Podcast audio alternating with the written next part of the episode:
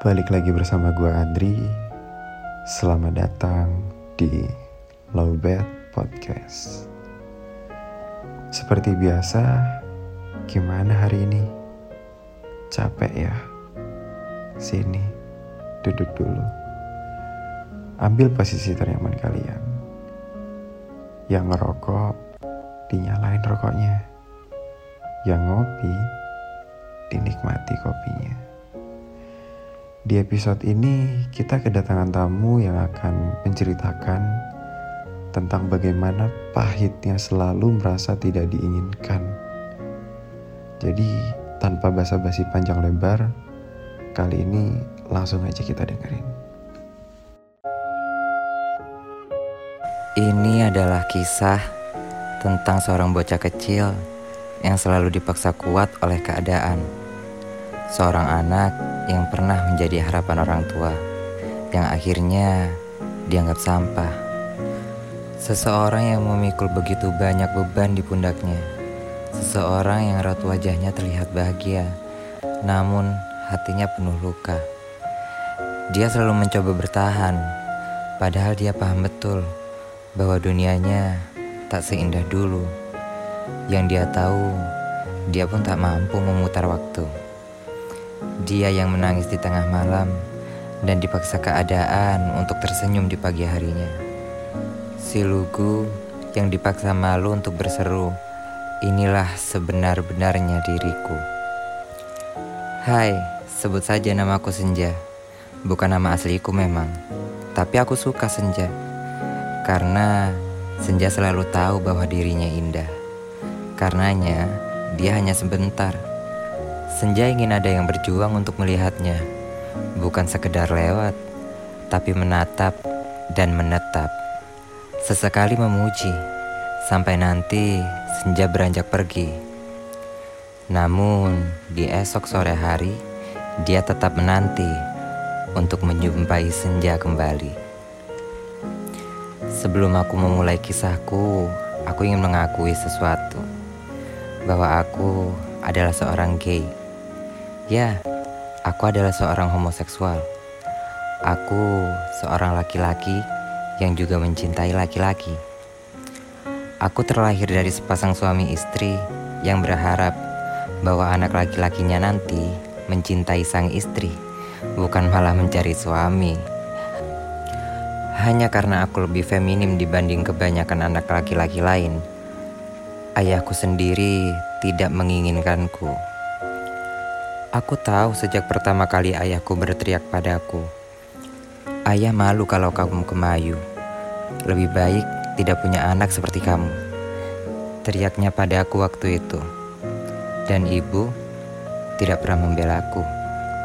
Mereka lebih bangga dengan kenakalan kakakku. Karena dianggap lebih pantas diterima daripada aku. Sejak saat itu, aku tahu bahwa aku sudah kehilangan rumahku. Kalau diingat-ingat waktu itu lucu ya. Karena luka pertamaku justru harus berasal dari seorang laki-laki yang harusnya bisa menjadi rumah untukku pulang. Ya, dia ayahku.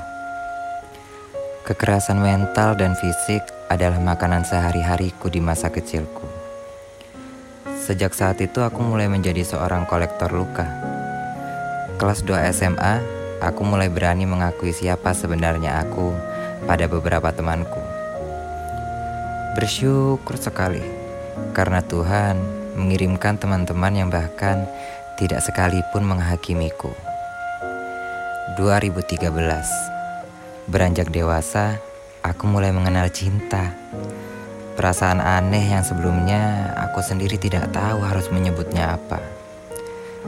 Aku bertemu dia di SMA dia memberanikan diri untuk mendekatiku waktu itu.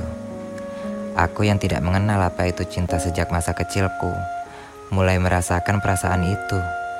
Perasaan yang membuatku bingung. Hangat sekali waktu itu. Pertama kalinya aku merasa diinginkan. Pertama kali dalam hidupku, aku merasa aman. Pertama kali dalam hidupku, akhirnya aku menemukan rumah untuk pulang setelah perjalanan panjangku.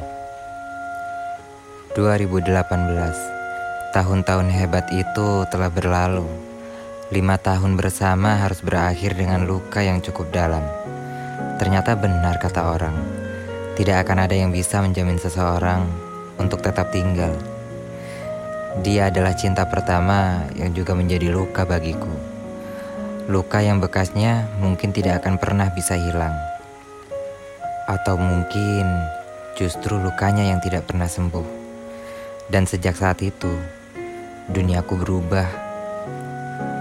Semua tidak lagi sama seperti sebelumnya.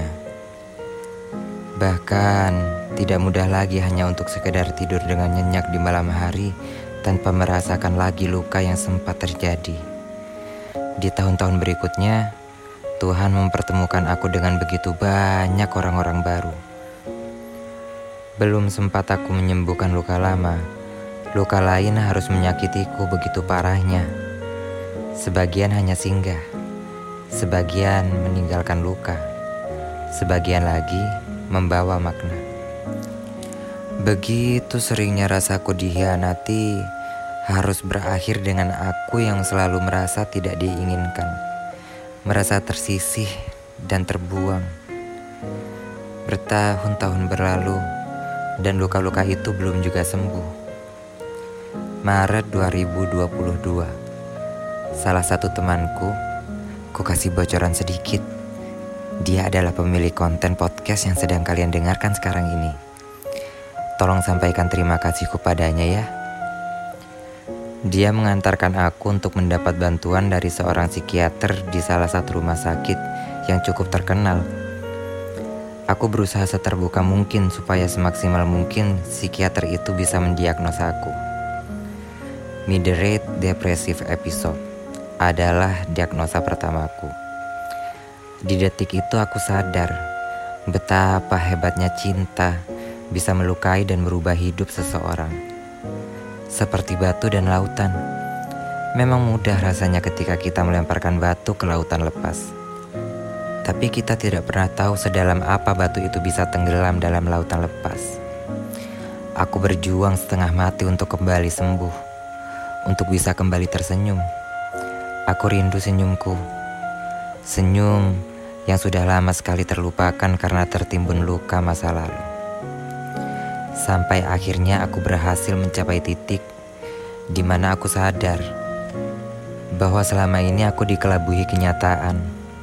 Selama ini, bahagia itu hanyalah satu hal semu. Karena tanpa sadar, aku dibahagiakan dengan sebuah kesedihan. Bagaimana mungkin sebuah kesedihan bisa membahagiakan seseorang? Bagaimana mungkin racun pahit itu bisa menjadi obat untuk luka? Aku sudah lama sekali kehilangan rumah untuk pulang. Setelah satu kehilangan, disusul kehilangan-kehilangan lainnya. Tapi akhirnya aku sadar bahwa sebenarnya rumah yang harusnya ku tata ulang Ku perbaiki, ku bangun dengan megah, dan ku beri pagar yang kokoh adalah diriku sendiri. Selama ini, aku terlalu sibuk mencari, sampai aku harus kehilangan diriku sendiri. Aku terlalu takut kehilangan lagi, dan sibuk membahagiakan mereka yang kucintai. Sampai-sampai aku lupa bahwa satu-satunya orang yang harusnya lebih dulu kubahagiakan adalah diriku sendiri. So ya, mungkin sampai di sini aku bisa membagikan kisahku kepada kalian semua. Terakhir, sebelum aku mengakhiri kisah singkatku ini, aku ingin berterima kasih untuk semua yang pernah datang, walaupun akhirnya harus pergi. Tenang saja, aku tidak pernah membenci. Dendam itu sudah lama kupaksa mati. Karena Aku ingin menemukan kembali bahagia sejati yang sudah lama aku cari. Dan maaf untuk siapa pun yang akan datang dan masuk dalam hidupku. Maaf ya, jika kamu harus berurusan dengan sesuatu yang sudah terlanjur rusak sepertiku. Maaf jika percayaku sulit sekali kamu temui. Maaf untuk semua hal buruk yang mungkin akan terjadi nanti. Tapi apa pun itu, Percayalah, ketika aku akhirnya memilihmu, aku harus berperang dengan trauma masa laluku. Berusaha mati-matian untuk mengalahkan semua rasa takutku. Dan itu tidak pernah mudah bagiku. Ya, jadi itulah tadi kisah pilu tentang bagaimana rasanya selalu tidak diinginkan guys. Jadi, sebenarnya Kak Senja ini memang teman baik gue dari salah satu perusahaan BUMN. Day by day, time after time, gue rasa beliau ini butuh pertolongan serius mengenai kesehatan mentalnya. Kalau ditanya kenapa, ya jawabannya karena gue tahu bagaimana rasa sakitnya butuh pertolongan, tapi nggak bisa minta tolong karena memang gak ada yang peduli. So, cukup sampai di situ dulu episode kita kali ini. Buat yang merasa relate sama cerita Kak Senja tapi nggak tahu harus ngungkapin ke mana, gua tunggu kisah kalian di sosmed gua yang tertera di deskripsi ya. Jangan lupa untuk follow dan nyalain lonceng notifikasi Lobet Podcast supaya nggak ketinggalan cerita-cerita yang lain. Gua Andri pamit undur diri. Sampai jumpa di episode berikutnya.